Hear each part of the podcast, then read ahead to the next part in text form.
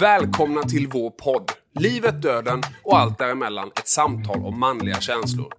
Vi är så tacksamma för att kunna presentera ett antal partners redan säsong 1. Tack till Stanley Security som har tagit fram produkten Stanley Interactive. Stanley Interactive är vår smarta säkerhetslösning skräddarsydd för små och medelstora företag. Med professionellt hanterad säkerhet, tillträdeskontroll, videoövervakning samt energihantering kan du känna dig trygg med dina lokaler och tillgångarna är säkrade var du än är. Tack också till Mercedes. Vi har åkt omkring i en Mercedes EQC, en fyrhjulsdriven, helt eldriven SUV med oslagbar kvalitetskänsla och komfort. Tills du accelererar, då blir det en sanslös sportbil. Inga utsläpp och 99 komponenter i bilen kommer från 100% återvunnet material. Mercedes är genom Kalmar Bilcentrum. De har välviljan, kunskapen och verktygen för att ta hand om dig och din bil på bästa sätt. Sist men absolut inte minst, tack till Kalmar. Kalmar är världens bästa stad att bo i. Det är också världens bästa stad att besöka. Har du inte gjort det så är det ta mig tusan dags nu. När sommaren kommer, se till att du hamnar i Kalmar. Nu, mina damer och herrar, så är det dags att presentera veckans gäst. Aron Andersson. Aron är vår stora äventyrare och förebild. Hans liv är nästan som en fiktiv berättelse. Han har gjort alla de stora äventyren. Den stora skillnaden är att han är rullstolsburen. När jag tänker på att ha pannben tänker jag på Aron. Allt jag har gjort som varit extremt så måste vi förstå att Arons äventyr är betydligt mer krävande. Att hålla på 28 timmar med att bestiga ett berg är helt enormt. Att vara extremt vältränad räcker inte långt. Hur gör han? Varför gör han? Och vad driver honom i sin jakt på lycka? Detta kommer att bli det mest intressanta samtal jag någonsin har haft. What's wrong with boys that we can't admit? It's okay to talk, you Hej välkommen till detta avsnitt av podden Livet, Döden och allt däremellan. Ett samtal om manliga känslor. Vi har äran att få vara hemma hos Aron Andersson. Välkomna hit. Tack! Jag brukar säga välkommen till oss själva, men det är så häftigt att ni låter oss komma hit, du och Anja. Eh, tack så hemskt mycket för att ni öppnar upp ett hem. Självklart. Eh, lite så här eh, på något sätt förutsättningar för eventuella nya lyssnare och, och eh, ja, tittare på vår YouTube-kanal.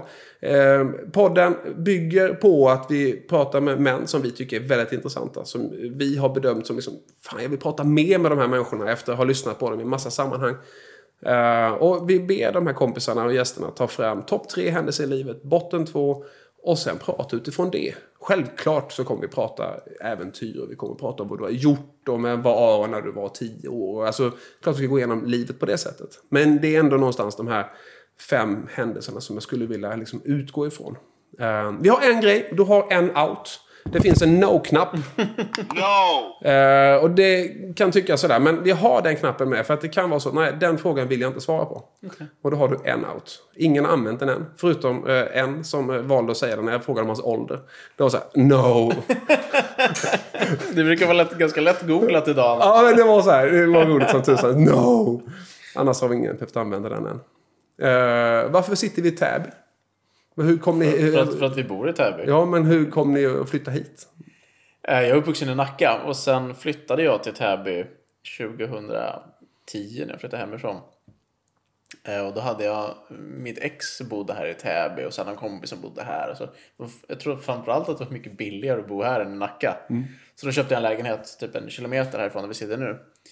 Och sen när jag och Anja började leta hus så hittade vi det här huset och tänkte det här är perfekt. Så att då slog vi till. Det är ett väldigt, väldigt härligt område ni bor. Vi var ute och gick här förut och det är vatten, det är ja, men, otroligt häftig om, omgivning. Ja, det är så mysigt. Vad är det? 400 meter ner till vattnet och men så här lummigt villområde. Så nej, vi är jättenöjda.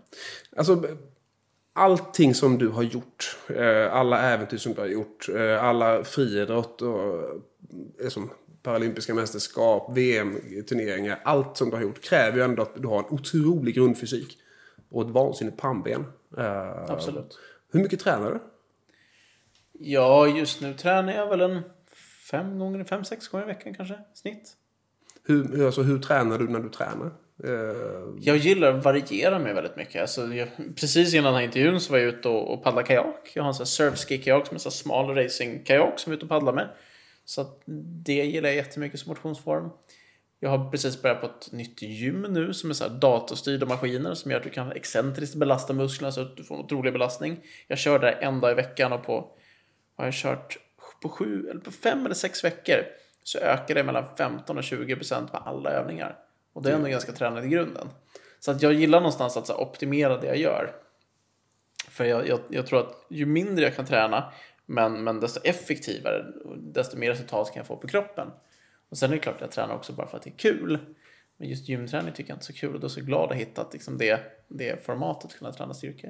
Om man tittar på de utmaningar du har gjort. Jag tänker att vi ska börja lite där för att liksom skapa en bild av, av om det nu är någon som faktiskt inte har koll på det du har gjort. Vilket eh, kan vara ödmjukt att ändå börja där. Ja. Eh, så, så liksom bestigit Kebnekaise, eh, klassikern under 24 timmar, simmat över Ålands hav, bestigit Kilimanjaro, eh, Ironman Hawaii, eh, Mount Fuji och med mera, med mera, med mera. Vad är den främsta egenskapen som krävs för att, för att drivas och göra de utmaningarna när man ändå... Alltså, jag tror det handlar om att hitta det man älskar. Hitta det man tycker är jävligt kul att göra. För då känns det inte så himla jobbigt att göra alla de här grejerna. Men, men om, om man skulle någonstans här, tvinga sig själv till att göra alla de där grejerna om man inte hade passion för det. Då skulle det inte gå tror jag, hur envis man än är. Men vad, vad är den, eh, anser du, den största eh, eh, förmågan för att klara av det? Vil- Vilken är den största, eh, liksom, eh, eh, vad måste man ha med sig? Vad, måste man, vad är din första förutsättning? I, I så fall är det en förmåga att kunna ta sig igenom motgångar. För jag har haft sjukt så mycket motgångar längs vägen. Och, ändå orkat fortsätta. Så, så det är väl den egenskapen i så fall. Eh, vi kommer tillbaka till Kebnekaise och Sydpolen och, och massa andra saker sen. Men eh, egenskapen att kunna hålla på länge och fortsätta drivas. Landar det in i liksom eh, när du var åtta år? Började det där? Att man liksom, eller började ännu tidigare? Jag tror det. Alltså jag, jag, jag har en del vänner typ som har varit med och kört så här Vasaloppet och, och Vätternrundan och sånt med mig. Och en del av dem har ju, har ju ångest typ en månad innan för det här tuffa loppet. Även om de är mycket, mycket mer vältränade och liksom står och åker skidor eller vad det är, har det mycket lättare än vad jag har det. Och jag skulle aldrig ha ångest för en sån grej.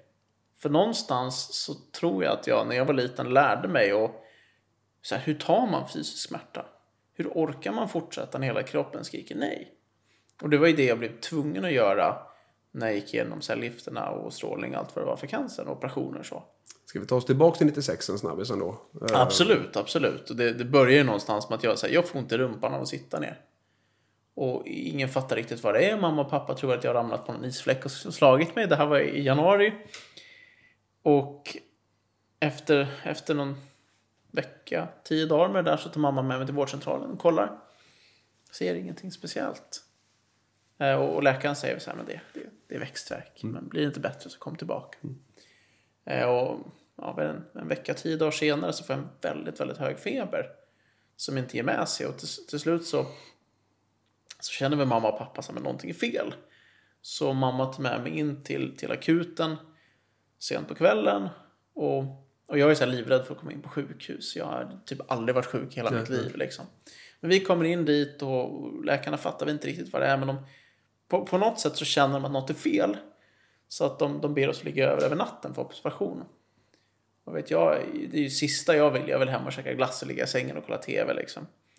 Men vi, vi ligger över där i alla fall och, och dagen efter så röntgar man. Man röntgar liksom rumpa och bäcken så. Och på den röntgenundersökningen då ser man att jag har en, jag har en, en ganska stor, ja egentligen stor som en knytnäve, cancertumör. Som sitter i, i, i korsbenet nere i ländryggen. Och där och då så förändrades ditt liv, din familjs liv och, och allting runt det. Du, du genomgick en operation. Ja, det, det tog en stund innan jag opererades. Först, först när det kom till cancer ska man ta reda på så här, vad är det för cancer. Så jag gjorde massa olika undersökningar, biopsier och sånt för att så, så här pinpoint, okej, det här, den här sortens cancer är det och de här behandlingarna borde funka, för man vet ju aldrig riktigt. Eh, så jag gick igenom ett år med cellgift och strålning. Och, och till slut så fattade man att det här funkar inte. Så när jag var nio så, så opererade man bort tumören. Och i samband med den operationen så blev man då tvingad att skära massa nerver till mina ben. Och det är därför jag då sitter i rullstol. Kommer du ihåg mycket från den tiden eller har du fått återberättat för dig? Eh, Det tänker jag ofta på när jag hör dig. Jag menar, det, det här har du berättat några gånger men, men hur mycket liksom Det är svårt, är... alltså, svårt att veta. Ja, naturligtvis. Men jag tänkte, hur, hur kommer du ihåg det? Hur upplever du det? Eh, Jag, jag upplever det som liksom initialt väldigt mycket rädsla. För att jag var sju, jag visste inte vad cancer var.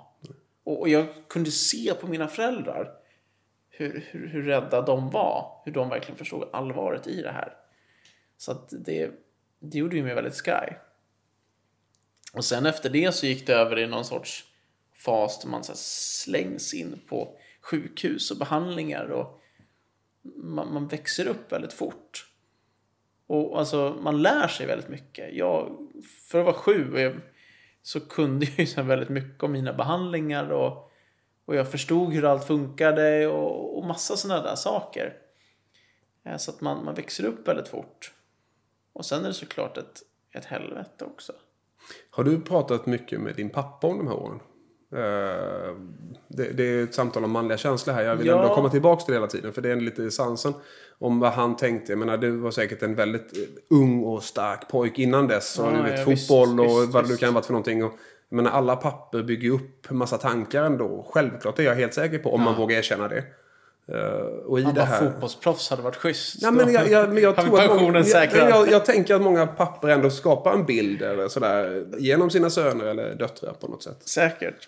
Har ni pratat om det något efter? Det, det pappa har berättat mycket att när man, när, när man tog det här beskedet att eller blev tvingad att fat, fatta det, liksom det, här, det, här, det här beslutet att, att jag ska opereras.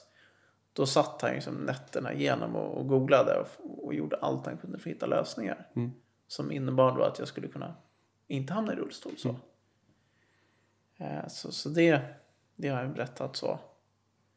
Men, men annars tror jag inte vi har pratat så, så här jättemycket om den perioden. Nej, jag, bara, jag tycker... Vi, vi har det- mer så här konstaterat att det som har varit har varit. Går Ja, det, det är så. För någonstans så... eh, Det finns en sak som jag tycker enar alla som jag eh, får äran att prata med i den här lilla eh, poddserien.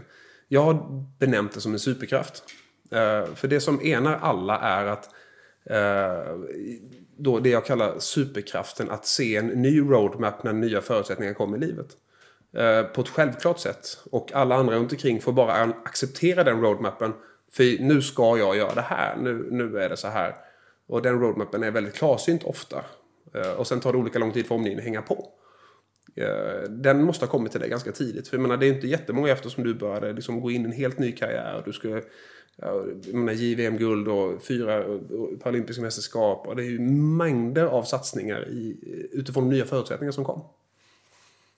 Ja, alltså visst var det så. Jag, jag fick min första rullstol när jag var tio. Och jag hade ju sportat innan och sen var det bara så här, men jag vill, jag vill köra på, jag vill idrotta. Och det blev väldigt, väldigt naturligt för mig. Föräldrarna var alltid stöttande. Det var ju så här, men jag vill göra någonting och så, så, så hjälpte de till att lösa det. Hur var det med polare under den här tiden? Vad, vad, hur, hur gick det till med, alltså hur var det för dig med vänskaper? Var, hade du mycket vänner runt omkring som var med dig också? Tidigt så att säga? Eller blev det så att du fick gå en egen väg? Så. Jag, jag har väl aldrig haft så här, så här supermycket polare inom handikappidrotten. Det var, var mer att man hade kompisar i skolan och så. Och speciellt liksom, i högstadiet hade jag bra med vänner. Och, ja. Eh, och i den diskussionen så tänker jag, vi har två stående punkter till och den ena handlar om manlig vänskap. Jag tänker vi, vi, vi glider in på den innan vi går vidare till första liksom, äventyren. Ehm, jag har sagt många gånger tidigare i podden att alltså, när jag pratar med många män och så frågar jag så här, okay, hur, många, hur många vänner har du? Och du får inte säga de som du ringer mitt i natten eh, som kommer direkt. För det tycker jag, det gör man. Men skulle en ytlig kompis ringa, Du, jag sitter i skiten så åker jag ju dit. Oavsett vänskap så att säga. Utan de du kan prata om riktigt tuffa saker med. Hur många vänner har du? Så landar väldigt många in i någonstans mellan 0 och 2. Och får nästan dåligt samvete för att man känner fan jag har inte så många att prata om om det verkligen skulle gälla. Eh, Hur ser du på manlig vänskap utifrån hur du liksom... Nej, Jag ser det som något väldigt viktigt. Mm. Alltså det, det är få saker som är så viktigt som att ha personer att kunna prata med tycker jag. Och- och- Är det, är sen- det lätt i du umgängeskrets att prata om saker som är, andra, som är tuffa liksom? beror på lite. Det, för mig handlar det mycket om att det ska vara rätt setting på något sätt. Att det ska vara... Liksom att man ska ha gjort någonting tillsammans eller typ så här... Ja, men sitta i bastun eller liksom, då kan man snacka om, om liksom lite tuffare saker eller ut och åka bil tillsammans. Eller, men man hamnar i ett läge där, okej nu känns det vettigt att prata om det här. Nej, jag håller med helt 100%. Jag känner inte att jag kan kanske prata om tuffa saker i vilket så här, läge som helst. Utan det handlar mycket om så här, vad händer runt omkring. Det tycker jag låter som någonting som är väldigt logiskt på alla sätt och vis.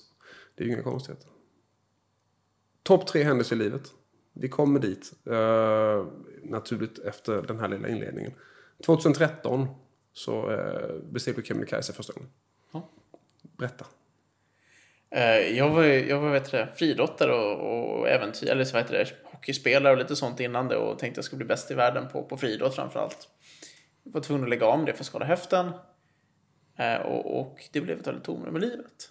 Och tänkte så här, vad, vad är det nu liksom? Så allt jag har drömt om och kämpat för är borta. Igen. På något sätt. Ja, faktiskt. Igen. igen. Och då, då, då vart, jag, vart jag utmanad av en kompis som jag tog en fika med. Utmanad att bestiga Kebnekaise. Och jag sa ju först såhär, nej vad, hur ska det gå till? Alltså jag sitter i rullstol, det är omöjligt, det fattar du väl? Det går ju inte. Eh, men han, eh, han gav sig inte. Och, och efter, efter många övertalningsförsök så sa jag till slut, okej då. Vi, vi provar väl. Vi ger ett försök. Och vi, vi begav oss upp till, till Kiruna och sen vidare till Nikkaluokta där, där vandringen, liksom, eller vägen mot Kebnekaise börjar. Och det var, det var brutalt jobbigt. Det, fram Ja, till, men alltså, du måste förklara här, för det, det finns något, jag har ju hört det förut. Och sen så gjorde vi så här och så har jag sett bilder. Men, men eh, jag har ändå fått äran hålla på med en hel del parasport. Alltså det finns ju vissa fysiska hinder som, som jag tycker, vi måste gå igenom dem. Det finns stenar. Det, alltså, det, det, har du varit på Kebnekaise? Nej, jag har inte varit där än, men jag har ju sett bilder, jag har sett filmer. Alltså, berätta mer praktiskt. Hur, hur, gjorde du? Det är ju helt, alltså det blir ju, alltså det är galet häftigt gjort. Alltså jag, jag sitter i rullstol till vardags. 99% av min tid så sitter jag i stol. Jag kan använda benen lite. Så att jag, jag gick på kryckor, jag drog mig fram på armarna och jag kröp. Så att det, det var som skulle göra så här 50 000 dips kanske. Ja, men det är det jag menar. Så. Det, Så det, var, det var brutalt jobbigt. Hur lång tid tog det? Eh, för att ge lite perspektiv då, så en så normal person går upp och ner på ungefär 10 timmar. Från fjällstationen upp till toppen och ner. För oss tog det 28 timmar. Plus att vi sov över längs vägen. Så att 28 timmars aktiv tid. Så att det är ungefär tre gånger så länge som för en vanlig person. Så. Då måste jag sätta det här i perspektiv utifrån. Jag gjorde en utmaning för eh, några veckor sedan. Där jag sa så här, okej det är många som har eh, tappat sina utmaningar nu med form av inställda lopp och utmaningar och sådär. Och många som, vad ska jag göra nu? Och så sa jag så här, okej men jag går 100 000 steg på en dag. Eh, det Hur är långt vart det? 7,5 mil blev det. Jäklar. Det tog 14 timmar och 6 sekunder. Och det är det absolut mest smärtsamma jag gjort alla kategorier. Alltså det, det, var, det var så fruktansvärt smärtsamt. Ja. Eh, men, och det var liksom ett par stycken som är ute massa Ironman som faktiskt vek ner sig efter 85-90 000 steg. Det gjorde för ont liksom, att, att göra det eh, i fotleder och knän och så. Sen var de inte skadade, det gjorde bara för ont. Uh, här pratar du om 28 timmar. Alltså, för att sätta det i perspektiv ändå. Alltså det är, och i olika då, crawling, eh, krypa, rullstol. Det är helt galet. Det, det är mm, nästan o, orimligt. Men, men och hur långt förbereder du för det då? Jag ska nog erkänna att jag hade inte just förberett mig så himla mycket för det. Jag, jag cyklade med Rynkeby till, till Paris tidigare den sommaren. Så jag var ju väldigt vältränad så. Jag hade inte tränat jättemycket på att gå på kryckor. Alltså, jag hade gått några kilometer på kryckor för att träna lite. Men jag, det är så förbannat jobbigt för mig att gå på kryckor så att jag undviker att göra det så mycket jag kan. Vilket jag fick sota för, för det var väldigt, väldigt tufft sen. Eh, bör du redan här eh, samla in pengar sånt i samband med äventyr eller kom det senare? Till Barncancerfond och sådär. Nej, nej, det första projektet jag gjorde för att, som hade någon insamlingskomponent så var ju Rinkebycyklingen. Och, och, och Rinkeby, för de som inte känner till det, det är ett projekt där man cyklar från Sverige ner till Paris. Där de är så här gulklädda cyklister som samlar in pengar till Barncancerfonden. Och där var jag med på det som ett hörn och hjälpte till att samla in pengar. Men det var inte liksom mitt, mitt egna projekt så. Men sen året efter så, så hade jag ett projekt där jag skulle köra klassikern som första person i rullstol besatt på totaltid under 24 timmar. Och, och där kom jag verkligen igång med insamlingen. Häftigt. Eh, klassiken kommer vi tillbaka till lite senare, för bara det vill jag faktiskt prata lite grann om. Eh, vi har pratat om liksom hur du eh, kom i stol, vi har pratat om första resan till Kebnekaise, vi har pratat om liksom din tid som friidrottare och källhockeyspelare. Lite kort. Ehm, men om vi går ner till en av de här två eh, bottenhändelserna, om vi, vi, vi byter fokus en liten stund. Så står det i det du skrev till mig, eh, 13 år och jag miste min bästa vän. Ehm, berätta. Eh, min bästa vän när jag var liten hette Erik. Vi, vi gjorde alla möjliga grejer ihop och vi, vi, som, vi blev ihop tussade när vi var små. Vi födda en, en månad emellan. Eh, och våra, våra mammor har varit liksom jätte, jätte, jättenära vänner hur länge som helst. Så att vi började hänga redan, redan från när vi var liksom, en, en månad var jag då och han var noll. Liksom. Eh, och vi, men vi var väldigt, väldigt nära vänner. Han var ju ofta ute med oss på landet och sånt. Han var väldigt, väldigt support eh, när jag hamnade i rullstol och liksom gick igenom hela den processen. så. Och han var också så här super, super sportig. Så en, en kväll så, så cyklar han till, till innebandyträningen. Och när han cyklar som bäst på den här vägen så, så kommer det en, en bil. Ja, jag tror att det är en 50-väg han cyklar på. Det kommer en bil i motorvägsfart som bara mejar ner honom. Och han slungas, jag tror det var 50 eller 60 meter in i en, i en skogsdunge och, och dör på en gång. Eh, och ja, det här var ja, 6-7 på kvällen någon gång. Och jag vaknar dagen efter av att, att mamma har tänt, tänt ljus hemma. Och, och min första tanke är så här, typ att mormor har dött. Eller så. Men då, då får jag veta då att det, ja, men det är Erik som har dött. Och den händelsen har format mig väldigt mycket och var otroligt, otroligt tuff. För det var första gången som, som jag förlorade någon som var mig riktigt, riktigt nära. Eh, hur menar du att det har hjälpt dig sen? Eh, för jag upplever att du sa just det, att det har hjälpt mig. Det har varit fruktansvärt, men det har ändå på något sätt hjälpt mig också. Absolut, det är, självklart har det, har det hjälpt på något sätt. Och, och, och det sättet som det har fått mig att tänka lite annorlunda är nog att alltså, den tanken jag blev tvungen att tänka för att kunna hantera sorgen mycket enklare från Erik. Det var att tänka att jag kommer få träffa honom en vacker dag. När jag själv dör. Sen om jag kommer få göra det, det vet jag att det har jag ingen aning om. Och det är skitsamma. Men den tanken och tänka det att men, en dag så kommer jag få träffa Erik. Gjorde så att sorgen gick att hantera. Och, och den tanken i sin tur har gjort det enklare att liksom hantera den andra personens liv har gått bort. Eh, min bild av dig är att du eh, träffar väldigt mycket människor som är i olika situationer i livet som är eh, mer eller mindre jävligt tuffa.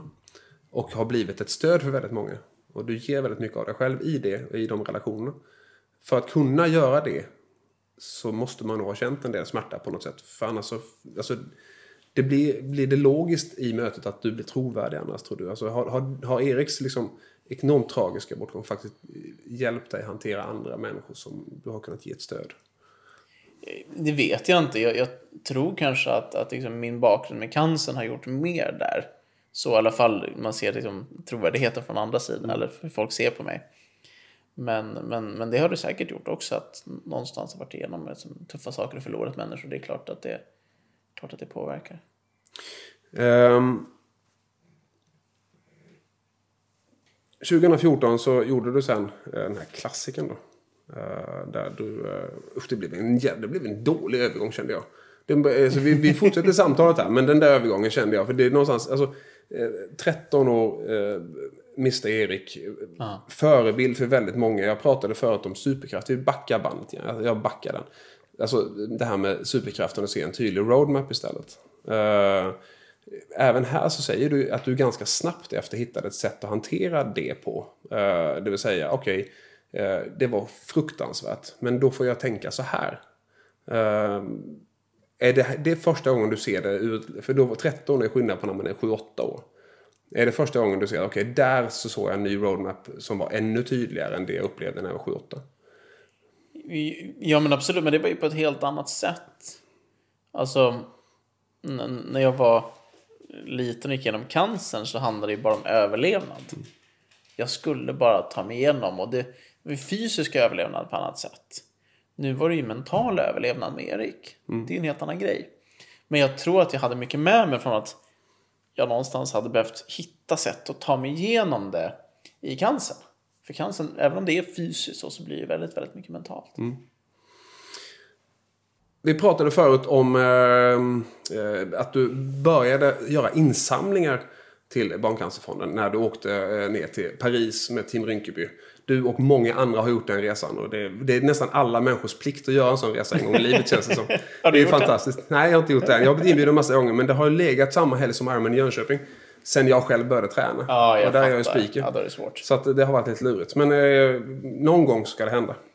Men då säger du så här, den började egentligen, din första riktiga egna insamling började året efter eh, du besteg Kebnekaise. När du är klassikern på under 24 timmar. Eh, hur kom du fram till den utmaningen och, och hur, hur, hur blev det liksom? Jag börjar väl klura på så här, vad, vad, vad ska jag kunna göra för mer saker? För, för Kebnekaise gav mig verkligen så här blodad tand på det här med äventyr. Det var så himla häftig känsla att komma upp där på toppen och bara wow, jag fixar det här. Jag gjorde något som jag aldrig trodde jag skulle göra. Och, och det spann ju vidare på tanken så här, men vad, vad kan jag mer göra? Så. Och så började jag tänka, men klassikerna har varit häftigt, så varför inte? Ja, men vi, vi kör på den då. Så jag satte upp det som ett mål och jag hade ju, jag, men, jag hade i princip aldrig åkt längdskidor. Så det vart ju helt nytt. Jag hade ju cyklat en del så, så det kändes okej för Vättern men kunde, kunde ju knappt simma liksom. Jag kunde jättedåligt bröstsim.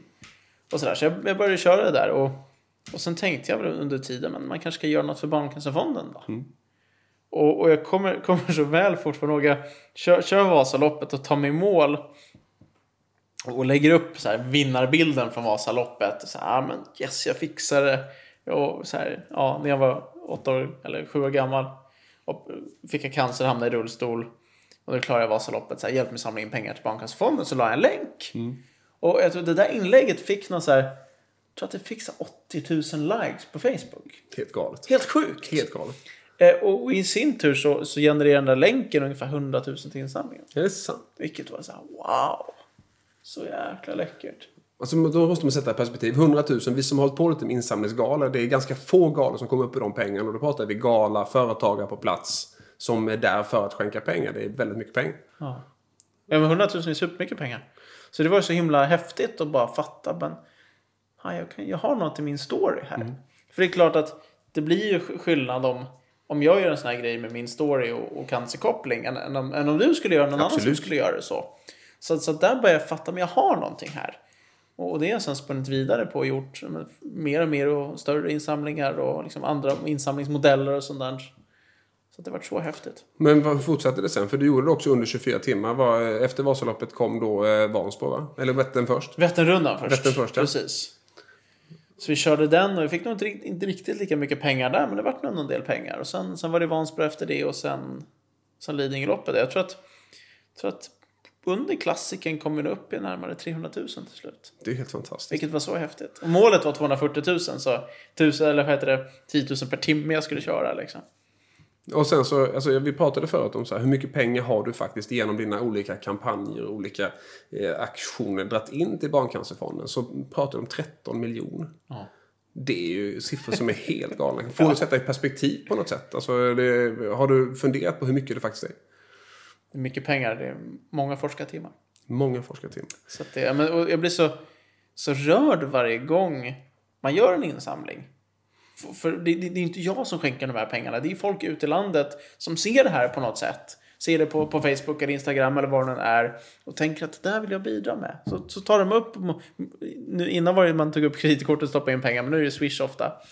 Man tar upp telefonen och så swishar man liksom sina surt förvärvade kronor till det här. Jag tycker det, är så jäkla fint. Syftet blir någonstans större än det man ändå gör på något sätt. Och du är ett verktyg. Ja, absolut, men ändå så jäkla fint att se engagemang. Har du upplevt någon gång att du eh, liksom nu ska jag synas igen för det här ärendet och folk tror folk att jag gör det här för egen vinning. Alltså har du fått den känslan någon enda gång?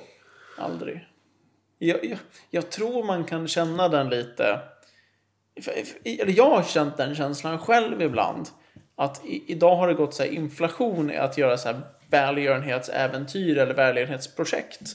Att men man, man får för sig, men jag ska köra Iron Man ska vi ta som exempel. då. jag, ska, jag ska köra ett Iron Man och sen, så vet man, känns, känns det inte tillräckligt. Så, men jag ska, jag ska köra armen för att samla in pengar till, till det här liksom. Och, och, och visst, det är superbra att folk gör det. Men, men, men med vissa av de där projekten kan jag känna ibland att så det, det känns lite som att, som att folk gör det bara för att hitta ett sätt att få PR på det. Ja, men jag För att allt håller med gjort. Ja, jag håller med. Och, och visst, det är skitbra att folk samlar in pengar, men jag tycker verkligen att det ska vara, ska vara genuint. Att man verkligen brinner för det på riktigt. Och det, det tycker jag att det kän, känns igenom de som verkligen har, har ett riktigt så här, engagemang i det. Och det syns så tydligt på resultatet också varje gång. För det, det är så här, du kan inte fejka det över tid. Och det kan alltid vara folk som, som stör sig på det. Men om man gör det med genuint hjärta, fullt ut av rätta anledningar, då, då slår det igenom. Då får man effekt av det. Så är det. Det är jag övertygad om också. Ja, men jag tycker det. Så måste man ju vara duktig på att berätta en historia också. För det är någonstans en, en historia som säljer. Det finns ju många föräldrar som har gjort så, som har barn som har, har barncancer eller så, som har gjort olika insamlingar och sånt. Och de går ju ofta väldigt bra. För det blir ju en genuin story. Men man måste också fatta hur man ska kommunicera den och, och, och så för att liksom få, få fart på det. Har, har du alltid varit väldigt... Du berättade förut att du byggde en teknikstudio för att göra mer webbinarier och, och sådär. Har du alltid varit intresserad av hur man kan skapa tryck runt något? Är det någonting som liksom har följt dig under alla år? Eller något som har kommit sista tio, vad vet jag? Alltså, jag, jag blev väldigt intresserad av marknadsföring för 8-9 år sedan och började, började plugga väldigt mycket om det. För jag, jag tycker det är så intressant någonstans. Hur, hur bygger man en historia som, som berör folk? Och, och det finns ju massa företag som har otroligt bra produkter som aldrig lyckas. För de fattar inte marknadsföring. Nej. Och jag, jag tror att jag, jag som företagare vill vill verkligen bemästra marknadsföring då för att det ska inte vara det som hindrar min produkt från att lyckas. Eh, och din produkt är idag det är föreläsningar, det är inspiration, det är att, att eh, coacha människor. Eh, och till det så har du då, använder du ditt varumärke och ditt namn, men framförallt ditt namn och din story för att dra in pengar till forskning. Är det så man kan sammanfatta där du är just nu? Ja, absolut. Mycket föreläsningar, jag skriver två böcker, gör en del programledaruppdrag, eh, jobbar med sponsorer och sen, och sen liksom hela, hela grejen gör jag mycket för att kunna samla in pengar, kunna göra skillnad för barn som, som går igenom cancer. Hur var det att vara programledare för Lilla Sportspegeln? Jävla bucket list alltså. Det var det va? Det var, alltså, jag och min polare Anders, vi hade ett bråk, ett väldigt så här, seriöst bråk när vi var typ 8-9 år gamla. Och då bråkade vi om vilket tv-program som var det bästa. Och han sa ju då Fångarna på fortet Ja. och jag sa Lilla Sportspegeln. Och då att få, få komma tillbaka liksom till, till Lilla då, cirka 15 år senare som programledare, det var ju så jäkla häftigt. Jag bestämde mig för att bli julvärd i SVT en gång. Eh, Det, är så här, det sa jag för en massa år sedan. Att 2029 då ska jag vara julvärd och tända ljuset i Sveriges Television. Och vara med alla de som faktiskt inte har någon att fira jul med. Så det, det är liksom min sån bucket list. Jag kan tänka mig att det är något motsvarande Lilla Sportspegeln där. Alltså man har ju någonting som man drivs av. Som kanske är lite konstigt eller udda. Men det är coolt att du fick göra det här programledarskapet. Ja, men det var sån ära. Jag blev så himla glad när de ringde och frågade. Först trodde jag att det var ett skämt typ, men nej, det var så himla kul. Eh, tillbaka till topp tre-listan. Eh, 2016 så har du eh, skidade du till Sydpolen. Ja. Eh, hur, varför och berätta. Jag fick idén från en kompis från början. Så så här, vad är det tuffaste, största, häftigaste äventyr du kan göra? Men, skida till Sydpolen kanske. Och sen, det där blev mitt så här, stora drömprojekt. Så jag jobbade med det där i ja, typ tre års tid. Och, och, och det nästan största utmaningen där var att dra in pengarna. Det var extremt dyrt att göra. Jag tror över mellan 3 och 4 miljoner tror jag gick på. Och bara liksom resorna och allting. Allt på Antarktis blir så otroligt dyrt. Och sen så skidade vi då. Och det var jag och Doug, en amerikansk guide, som gjorde det här ihop. Och, och alltså, bara uppleva Antarktis. En plats som så otroligt få människor har varit på. Den vackraste plats jag någonsin har varit på. Ta oss igenom liksom. För menar 2016 hände väldigt mycket i ditt liv. Det var liksom Kilimanjaro, du blev ett årets föreläsare, du var programledare för Lilla Sportspegeln. Det måste ha varit ett år där det liksom...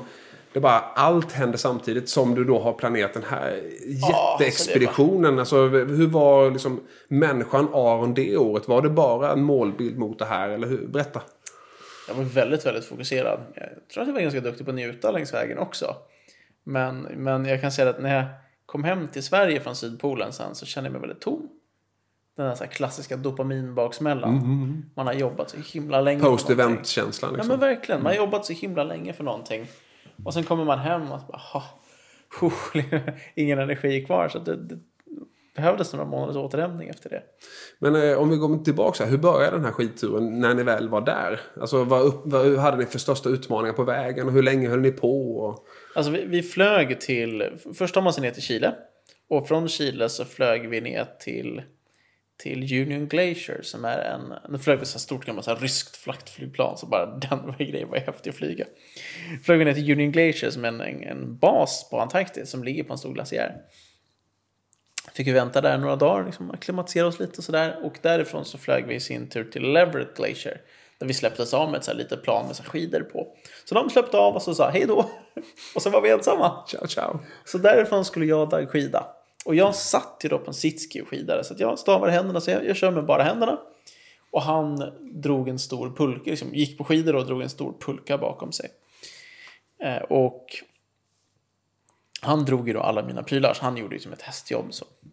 Och så skidade vi på där de första liksom, dagarna. Men går bra, vi flyter på bra. Hur kallt var det? I början tror jag vi hade typ minus 15 kanske. För att då är man på lite lägre nivå, men sen kommer man upp på polarplatån. Och där blir det kallare också. Så som kallast kanske vi hade minus 40-45 någonting. Hur länge höll ni på? 22 dagar höll vi på. Och planen från början var att vi skulle skida ungefär 60 mil. Skida från kanten på Antarktis, liksom kontinentkanten, hela vägen in till Sydpolen då. Men efter, efter typ en vecka så vart jag riktigt jävla magsjuk. Och, och det ville inte riktigt släppa sig heller. Så jag, äh, det var, det var riktigt jäkla tufft alltså. Speciellt när man så skidar 10 timmar om dagen och bor i ett tält så vill du inte vara magsjuk. I den kylan. Nej, i den kylan framförallt. All, allting, livet blir ju mycket tuffare i, i minus 40 grader. Allting är, är mäckigt liksom. Bara, vi, vi stannar ungefär en gång i timmen eller en gång liksom var 90 minut och så stannar man och så får man i sig lite, lite, lite dryck och lite käk och lite sådär. Och, och då, det blir så jäkla kall om fingrarna. Så att när du väl har kommit igång och börjat skida sen så tar det ungefär en halvtimme innan, innan du har känsel i fingrarna igen. Och då ska du snart stanna igen för att käka. Men alltså, var det, vi måste ändå komma tillbaks för alla som inte har... har alltså, 1987 så var Vasaloppet 32 minus för start. Då tvingades man åka 2-2 och ha koll hela tiden på att du inte förfryser någon kroppsdel och sådär. Min pappa åkte då, så det är därför jag liksom... Sådär. Alltså, du pratar 40 grader. Eh, 10 timmar om dagen, tält, magsjuka. Eh, hur rent praktiskt, förfrös ni någonting eller klarade du dig? Nej, nej, vi klarade oss från förfrysningar. Det var ingen fara. Men det, det jag kände när jag kom hem därifrån att jag hade tappat eh, känslan i, känseln i fingertopparna. Jag, jag kände inte fingertoppen. Nej. Och det höll i sig kanske en tre, två, tre veckor. Sen kom det tillbaka. Så det var väl en liksom super, super lätt förfrysning så. Men, men man, man är förberedd på ett helt annat sätt än typ ett kallt Vasalopp. På, på Antarktis där, då har man liksom kläder för det här. Du har ansiktsmasker, så här, hård plast som, som täcker dig mycket och sådär. Så att, så att på kroppen är du egentligen inte så kall när du skidar. Det var inget problem. Det var händerna är det, är det bökiga liksom. Händerna. Händerna och Händerna, fingrarna händerna, liksom. händerna. Vad, vad, när man eh, då håller på och skidar, för jag gissar man kan ju inte gå och prata hela tiden utan det är ju ganska mycket tyst ändå. Eh, Ja, man är i sin jag. egen lilla bubbla. Det gick vad- inte att vad- prata alls. vad tänker du? Vad, kommer du ihåg vad du tänkte? Vad processade du för någonting? Vad, vad, hade du liksom i, i den innersta själen? För det måste ju bli någonstans till slut att det blir du och dina löss och din, dina tankar och, och liksom du och dig själv och din familj och vad du har gjort. Och, Ja, det blev väldigt meditativt på något sätt så. Eh, nej, men det var ju mycket som man tänkte tillbaka till fina minnen. Och tänkte, ja, men den låg på den där stranden där. Ja, när gjorde det där? Och sådär. Fick tänka tillbaka till så riktigt trevliga stunder. Och det blev ett sätt att distrahera, att distrahera sig själv från tristessen. För att många av de här dagarna när vi skidade, alltså på Antarktis blåser det nästan alltid. Och, och, och när det blåser så, så blir det ofta whiteout kallas det. Och det är som att skida ett glas mjölk. Det är så en otroligt tjock dimma. Du ser ingenting. Och, och, på grund av att marken är vit också så ser du inte riktigt vad som är upp och ner. Så balanssinnet blir helt fuckat. ja. Och, och eftersom jag satt ner och skidade så, så var det ganska schysst. Men, men jag såg inte jag såg inte liksom konturerna i snön. Så jag såg inte när, när, när snön ändrades. Så att det hände att man välte bara för att man inte såg den där snö, snöhögen man körde in i. För att du ser, alltså det är löjligt, man kan nästan inte förklara men du ser ingenting. Helt sjukt. Eh, då. När jag gjorde mitt första Vasalopp så var vi utklädda till eh, Gustav Vasa, jag och min kompis Peter. Och sen så gjorde vi det för donationsregistret livsviktigt.se eh, som ambassadör för Socialstyrelsen. Eh, och då startade vi längst bak. Eh, så det tog oss 11 timmar 45 minuter för vi låg liksom precis före repen hela tiden. För att stötta de som var längst bak. Eh, det gjorde väldigt ont för jag hade tränat väldigt lite inför det. Eh, och någonstans under loppet så kom jag på mig själv att tänka så här. Om jag ramlar nu och låtsas stuka foten. Hur lång tid måste jag gå på kryckor för att folk ska tro att jag har stukat foten? När man är liksom där och gräver någonstans eh, i psyket. Hur ofta tänkte du flykttankar under de här 22 dagarna? Eh, det det är ju klart jag gjorde det. Ja, det måste du Men- ha gjort. För jag tänkte, hade du sagt ingen så tänkte jag, vad Det, fan. det, det, som, det som gjorde det riktigt bökigt var ju framförallt magsjukan som gjorde det tufft. Jag kan alltså, ta fysisk smärta för mig 10 timmar om dagen och bara mala på. Det är okej, jag, jag fixar det. Men, men när magsjukan kom in i bilden så var det väldigt tufft. Och, och, och som jag sa innan, planen var att vi skulle skida 60 mil. Det skulle ta ungefär en månad. Eh, och efter vi hade skidat kanske 20-25 någonting så började jag känna att det här går inte. För jag har svårt att få i mig käk. Det bara liksom rann igenom. Och, och jag började känna mig väldigt, väldigt kraftlös. Och, och då hade vi tur. Det var, det var en, en, en, en expedition där nere som de skulle köra några bilar. Du kanske sett med Arctic Trucks. Yes. På, de var med på Top Gear någon gång och körde till Nordpolen eller vad de gjorde. De var där och gjorde en, en filmgrej för en biltillverkare. Så de skulle passera den sträckan där vi skidade. Eh, och då pratade vi med någon på satellittelefon som bara hej vi har det här problemet, det är inte så jäkla kul just nu. Kan vi, kan vi åka med en bit? Så att vi åkte med dem i ungefär 25 mil och sen släppte de av oss och så skidade vi sista, sista 10 dagarna in till, till Sydpolen. De bara sitter Ja. tio dagar. Ja. Men för, för, det, för det, anledningen till att vi gjorde det var att då om jag skulle bli ännu, ännu sämre då så skulle de kunna skicka någon från Sydpolstationen och hämta med skoter. Det, så här, det hade funkat logistiskt att hämta. Mm. För annars så är det så extremt dyrt att göra en evakuering. Mm. Vi hade försäkringar och sånt för det men man vill helst inte nyttja dem. Det är bara onödigt så. Så det var verkligen det äventyret som man tror att det var. Ja, ja verkligen, verkligen. Alltså, du är, alltså, det är extremt svårt att evakuera någon där. Speciellt när vi var så långt från stationen om det blir riktigt dåligt väder. Alltså och om, skulle jag få liksom en brusten blindtarm eller någonting. Och så, och så ligger man i tältet där och så blåser storm utanför. Det går inte att ta sig dit. Eh, fascinerande på väldigt många sätt. När man faktiskt gör det med lite ändå livet mm, sådär. Alltså det är ändå så vi pratar om. För det, det är ju på riktigt så att säga. Ja, absolut. Men samtidigt är det ju ändå relativt säkert om man jämför med, ja, men, med riktigt höga berg. Ja, men så här K2 eller Everest eller någonting sånt. Blir du riktigt dålig på höjd då så, så kan du nästan inte få ner någon. Även om det är bra väder. Ehm, den andra eh, botten landar in i det här tycker jag då. För jag tänker att allting på något sätt har en mening i att du faktiskt klarar göra alla de här utmaningarna. Som sen samlar in så mycket pengar till folk och du utnyttjar det på bästa sätt. Eh, och det är när du opererade höften och fick sluta med din friidrott. Eh, hur gammal var du då ungefär? Eh, jag var 25. Eh, kan du berätta lite grann? För du, du, vi var, snuddade vid det förut, men du har ändå varit med i Paralympics fyra gånger. Du har tio JVM-guld, ett VM-guld, ett VM-brons. Du har gjort väldigt, väldigt mycket där. Alltså, mitt stora mål när jag var yngre var att jag skulle bli bäst i världen på friidrott. Jag skulle vinna guld på Paralympics på 1500 meter. That's it. Det, det, det var mitt mål. så. Maraton hade funkat också. Men framförallt 1500 meter var det jag ville vinna. Eh, så jag tränade som en galning för det och, och det gick ändå ganska bra. Men sen jag tog svenskt rekord och jag liksom började, framförallt 2011 så började jag nosa på, på de riktigt duktiga och jag slog någon som hade tagit medalj på Paralympics. Och, ja, men så här, jag började närma mig. Eh, och i, den här, i slutet på 2011 så började jag få ont i min högra höft. Och det... För, först trodde jag att nej, äh, ja, det är något skumt bara. Så här, ah, ja, går till kiropraktorn Ja, men- eller kinesologen och så blir det bra. Överbelastning och så. Ja, men, men det vart ju aldrig bra det där. Och till slut så, jag får vi röntga här. Så jag gick in till, in till sjukhus och röntgade och då, då visade det sig att höften låg led. Och en höft är ju byggd som en, som en kula som klickar in i en Japp. skål så. Och, och min den här skålen var helt förstörd. Den var utnött.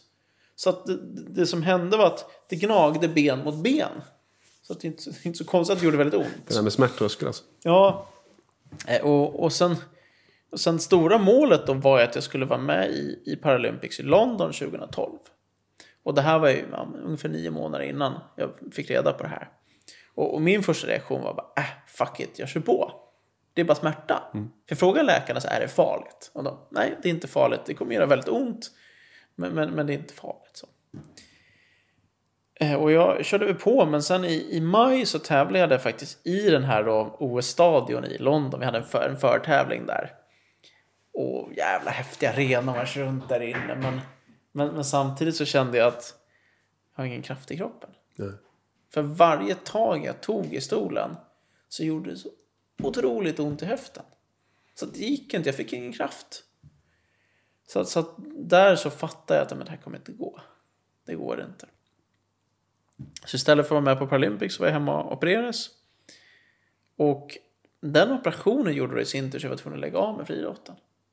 För det, det som hände var att i friidrotten, eller i en tävlingsstol som jag körde, så ligger man med bröstet fram på låren. Och jag kommer inte fram längre. Jag har, jag har, alltså, på vänsterhöften har jag rörlighet, då kommer jag fram. Men högerhöften så, så jag kommer inte fram. Det, det är ett stopp. Och ändå så försökte de sätta den här höftleden så att jag skulle kunna luta mig framåt. Men, men på något sätt, det blir mekaniskt stopp. Och det spelar ingen roll hur mycket jag stretchar eller vad jag gör. Det är bara stopp. Alltså, det... när du såg invigningen på Paralympics 2012 hemifrån tv-soffan istället. eh, Kan man förklara den känslan på något sätt med den tävlingsmänniska du faktiskt är? Det måste ha gjort ont som satan. Ja, det, det, det är klart det gjorde det. Men, men samtidigt så visste jag att jag hade gjort allt jag kunde. Och, då, Alltså, och ja. jag, jag, jag misstänkte att det skulle svara så. Så nu lurar jag dig. Eh, för att grejen är att då har du ju, det är ju tredje striken på något sätt. Utifrån att kommit fram till någonting, här är vi, och sen så en riktig käftsmäll igen. Och sen, okej, nya förutsättningar. Det här med att prata superkraft förut. Att då se den, eh, okej, ny roadmap, då kan jag inte göra det, vad ska vi göra istället? För tredje gången utifrån vad jag, det lilla vi har pratat och det jag känner det och det jag har sett om det tidigare. Strike 1, strike 2 och strike 3. Och sen så någonstans har du skapat, nu är de nya förutsättningarna, nu ska vi se till att göra det bästa av det här igen då. Kan man sammanfatta det så? Ja, men, men så är det väl för alla i livet tänker jag. Vi går igenom olika faser och så går det bra ett tag. Sen får man en smäll. Nej, det gick inte längre. Liksom. Men vem, vem har varit med dig på sidan? Vem har liksom stöttat dig mest i det här? Vem har liksom eh, hjälpt dig ta dig igenom den här situationen? Ja, men just när, när höften strulade så var mamma och pappa fantastisk support. De var jätte, jättebra då. Men jag tror att det är olika personer olika tillfällen i livet. Men, men just, just då var, var mamma jättebra. Och pappa också. Men det var, alltså, det var så jobbigt på något sätt. Jag hade så tränat varje dag under 12 års tid. För, för att jag ska nå det där målet här borta. Och sen puff så försvann de bara. Vilka förebilder har du idag? Eller har du haft under resans gång? Jag, jag tror inte jag har haft några, några specifika personer. Jag har nog mer haft så generellt att men, personer som gör saker som de kanske inte borde gö- kunna göra med de förutsättningar de har. De personerna tycker jag är coola. Och det, det, det sporrar mig, ger mig energi. Och sen, sen har jag inget så specifikt namn just nu. Eller ett tag var det typ Lance Armstrong. Det är inte lika Mm. Ja, men det är, det, förutsättningarna då var ju enklare. Ja, Ja, precis. När man inte visste om dopingen Ja. så var det så. så här, få cancer och komma tillbaka och vinna Tour de France. Hur cool, cool var inte den storyn? Liksom? Ascoolt. Det är faktiskt fler som har sagt det. Att man, man, det blir så många förebilder fast i vardagen när man ser små som appliceras just på mig. Och sen så, ja men då tar jag den pusselbiten och lägger, det passade mitt pussel. Och sen så tar jag med mig den biten och så utvecklas vi tillsammans. Med mang, massa människor man möter i det lilla så att säga. Det är ganska många som har sagt så. Coolt. Ehm, 2017 då går vi till, hoppar vi fram en stund igen och går tillbaka till äventyrar eh, eh, Aron.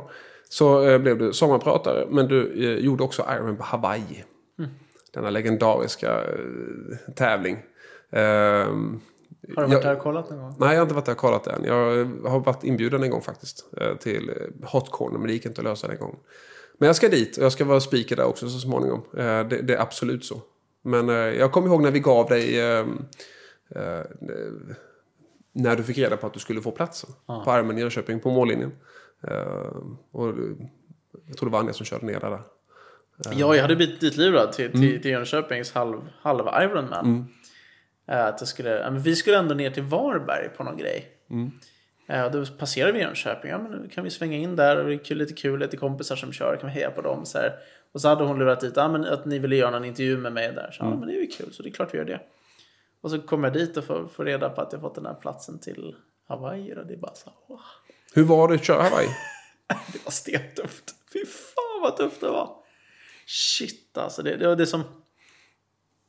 Det som var så jäkla kämpigt med just Hawaii var ju cyklingen. Och det var så brutalt varmt. Och, och den här armcykeln jag kör, jag, jag ligger bakåtlutad den. Det är som en solstol. Och, och ligga så i en solstol och cykla. Jag vet inte vad jag cyklade på. Jag cyklade mellan 8 och 9 timmar. Så jag höll på länge på cyklingen. Och ligga så i en solstol och vara så otroligt exponerad för solen. Och det ska vi komma ihåg, i, på eh, Ironman Hawaii så cyklar man ju på en, i, en lavaöken asfalt. Så du Ja, har egentligen sol både underifrån och... Och det är helt sjukt. Det är en Ja. asfalterad väg och så är det bara lava på sidorna. Ja. Och det blir så förbaskat varmt. Så det här var en så här perfekt dag, inte en moln på himlen. Och, alltså jag höll på att dö av, av bara solsting där. Alltså, så jag kommer ihåg jag stannade vid någon kontroll mot slutet. Det står en funktionär där. Jag bara du! Din keps! Ge mig! Så jag snodde hans keps. Han såg sen med lite moloken ut. Gav mig hans fina surfarkeps där. Jag drog på det. Bara för att få lite skydd i ansiktet. För de som cyklar då en bit från marken, mycket mer längre från marken än vad du ligger med rumpan. De, säger, de har sagt att det är som att ha en varm hårfön i arslet i eh, 18 mil. Ja, Och och du fick en varm hårfön på hela undersidan av kroppen och solexponering Ja, det var helt galet. Så det, det, det värsta dagen efter dagen efter loppet så, så, så var vi ute med några kompisar där och åkte till en, till en strand. Skulle bara liksom njuta lite av Hawaii. För det, jag hade så mycket föreläsare så att vi åkte dit på onsdagen och så åkte hem på söndag. Så det var här lång weekend på Hawaii. Helt sjukt. Men i alla fall när vi kommer till den här stranden då. Och alltså, jag har så ont. Jag har så ont i kroppen. Men det är inte från loppet. Eller det är delvis från loppet, men det är inte framförallt från loppet. Utan det är framförallt för att jag är så uppbränd. Alltså hela armarna och ansiktet. Jag är så otroligt solbränd. För att jag hade försökt smörja på lite solskydd och så här, men det räckte ju inte. Det svettades ju bort och så där. Så, nej, det, det, det var den stora lärdomen. Så ha någon så här jävla permanent solskyddsfaktor. Alltså. Eh, det sista äventyret som jag eh, har följt dig, det är Kebnekaises Nordtopp 2019. Ja. Vad är skillnaden på den andra för de som inte har varit där? Ja, Nordtoppen är nu... Alltså, så här, Nordtoppen ligger... Det är sten där helt enkelt. Det är en, det är en sten, stentopp så. Och Sydtoppen, det är en glaciär. Och, och vad- ligger de emellan varandra? Det är kanske kilometer emellan dem. Och eftersom glaciären på Sydtoppen sjunker så är då Nordtoppen just nu högre på vissa, vissa månader på sommaren. Och, och då kände jag eftersom jag först är i rullstol att bestiga Sydtoppen så måste jag också bli först i rullstol och bestiga Nordtoppen. Så i somras gjorde jag det. Så åkte vi upp med, med ett gäng från, från min sponsor Ford och några kompisar. Och så här, superbra gäng som vi åkte upp dit med. Och så gick, gjorde vi en variant där vi så här, gick, gick bakvägen upp till, liksom, till Nordtoppen. Gick en ganska så här, avancerad väg upp. Och, och jag hade med två kompisar. Det är, så här, först och främst är det Kalle som är bergsguide i militären där uppe. Så han är ju där hela tiden. Och sen är det Oskar som var första svensk på, eller andra svensk uppe på Everest. Så det var två liksom, duktiga killar som skulle guida duktiga. och fixa det här, liksom, sätta rep och sådär. Så vi gick upp en superhäftig väg upp dit. Och, nej, vilken, vilken dag vi hade. Det var så här fantastisk dag på fjället. Och det hade blåst ganska mycket på förmiddagen. Så vi tänkte, men då kör vi senare då. Så vi kom upp till, först till Nordtoppen och sen till Sydtoppen. Jag tror vi var på Sydtoppen klockan, klockan nio på kvällen kanske. Och det var helt vindstilla. Perfekt väder. Strålande sol. Och det, alltså, i den tiden, det är midnattssoler. Ja, ja, det, Och vi var helt ensamma. Det var så här... Ah, det var sån magi verkligen. Vad landar du in i? Vad tänker du under de situationerna? För du har ändå upplevt ett antal sådana moments i ditt liv. Är det liksom någon total eufori? Eller har du liksom så här, tänker tillbaka på saker? Eller vad, vad fokuserar du på när du är där? Eller är du helt tom bara? Nej, jag, jag, jag anstränger mig för, för att vara liksom närvarande. Eller gör, gör det jag kan för att bara vara där och, och, då, och bara njuta av hur vackert det är. Fantastiskt. Eh, Topp tre. Tredje eh, argumentet. Oscar har jag bara skrivit där. Ja, ja, ja. Eh, min, min kompis Oskar som har haft cancer. Det är så här, ja men, det är så fin historia. Han, Oscar Oskar heter den här killen, han är, vad är han, 14 nu. Och, och jag är med och driver ett, ett personligt assistansbolag. Eh, där vi, där vi tillhandahåller personlig assistans för personer med funktionsnedsättning. Så har man assistans kan man få det genom oss. Och vi har lite olika så här, aktivitetsdagar. Där man får komma och liksom, prova på lite sporter och aktivera sig. Så här, för vi, så vår, grej är att så här, man ska kunna leva fullt ut oavs, oavsett vad man har förutsättningar. Och det, det vill vi hjälpa till med. Eh, Så att vi hade en sån här dag och då, då kom Oskar dit med sin, med sin mamma. För att för liksom, ja, prova på lite så. Men han, han hade verkligen så här blivit dittvingad av, av Anna, hans mamma. Och, och hon hade ju sett där, hon hade följt med ett tag och så jag tänkte men det här ska vi ta med Oskar på. Så. Och han ville ju verkligen inte, alltså han kom ju dit med armarna i knät och bara tittade ner och bara nej, han ville inte det där. Men på något sätt under den här, under den här dagen så, så, så började han vända. Och, och någonstans, någonstans förstå att, att man kan leva ett bra liv även att man sitter i rullstol. För han hade själv haft, haft cancer, blev tvungen att operera bort ena benet och satt nu själv i stol. Och tyckte livet var över. Det var kört. Han, det fanns inget att leva för längre. Men på något sätt så, så, så, jag vet inte hur det gick till, men på något sätt så lyckades jag väcka någonting i honom. Som, som gjorde att han fick livsglädjen tillbaka. Och idag är han som en helt annan kille. Det där är så häftigt. Hur många, alltså, när man tittar på det och har pratat med andra som har liksom inspirerat människor med funktions, olika funktionsnedsättningar. och sådär. Eh, du, du gör ju skillnad för väldigt många på det planet. Oavsett vad du eh, säger eller slår dig för bröstet. Det handlar inte om det överhuvudtaget. Du, du har ändå gjort, genom din historia har du gjort eh, skillnad för väldigt mycket. Du har samlat in väldigt mycket pengar. Du har gjort skillnad för många individer. Ehm, eh, hur ser du liksom eh, Aron Andersson om ett år, två år, tre år? Vad kommer du fortsätta i den riktningen du har påbörjat? här? Alltså jag fortsätta mer med sådana grejer. Och, och kunna, kunna göra skillnad för, för fler som är i, som i liknande situation som jag var i. Bara här om veckan så blev jag kontaktad av en, av en kvinna vars, vars, vars son Kalle har någon så här skum muskelsjukdom. Eh, och men, skulle behöva någon förebild, jag vill träffa någon. Så att jag träffade honom på som ett centrum här, fem kilometer bort. Och så, så lärde jag honom hur man åker rulltrappa med rullstol. Och bara så här, se lyckan i hans ögon och bara, fan shit, jag har precis gjort något som jag aldrig trodde jag skulle kunna göra för att jag sitter i rullstol. Alltså bara den grejen ger ju så himla mycket tillbaka. Och det blir ju mycket. Men eh, jag vet inte, vi, vi har ju de här unga killarna. Om vi pratar manlighet så pratar vi också att bli man. Eh, och många som sitter i stol. Det handlar ju om, eh, jag gissar att du får säkert prata om eh, alltså sex och den typen av, av bitar också. Är, är du behjälplig? Hjälper du dem att tänka tankar även där? Eh, förstår du vad jag menar då? För Ja, det är men- känsliga saker att prata om. Men jag vet att det är, det är någonting som naturligtvis alla tänker på ändå. Absolut, det var en sån grej som jag tror ja, men, Oscar reagerade på också. Han såg att, han såg att jag hade ett, så här, ett normalt liv. Ja, men, så här, jag har en fru och jag liksom, så här, ja, hund och hus och så här. Jag har det som man, som man ska ha även Även om man inte sitter i rullstol eller vad det nu är för någonting. Liksom. Det som de flesta vill ha. Och det var någon sån sak som, som fick honom att fatta att ja, men jag kanske kan, kan göra någonting bra av det här livet även att jag sitter i rullstol. Det där är så jävla coolt. Tack för att du gör det. Ja, Eh, och tack för att du delar tack med för att dig. jag får prata om det här. Nej, och tack för, för eh, det här samtalet. Vi, vi har liksom fått följa dig. Vi, eh, alltså, som ung pojk eh, då eh, får cancern, ett år behandlingar, eh, operation. Eh, Vi fick följa dig med, med din situation när du förlorade din bästa kompis Erik. Eh, Vi fick följa dig in i eh, situationen att inte kunna åka till London 2012 utifrån den operationen som hände då med höften. Ja, du sammanfattar mitt liv jävligt bra. Ja, men, och i det här, varje gång så bedömer jag det som att du har en, byggt en ny roadmap. Som gör att du har tagit dig an det på ett nytt sätt och kunnat fortsätta bidra till andra mäns hälsa, kvinnors hälsa.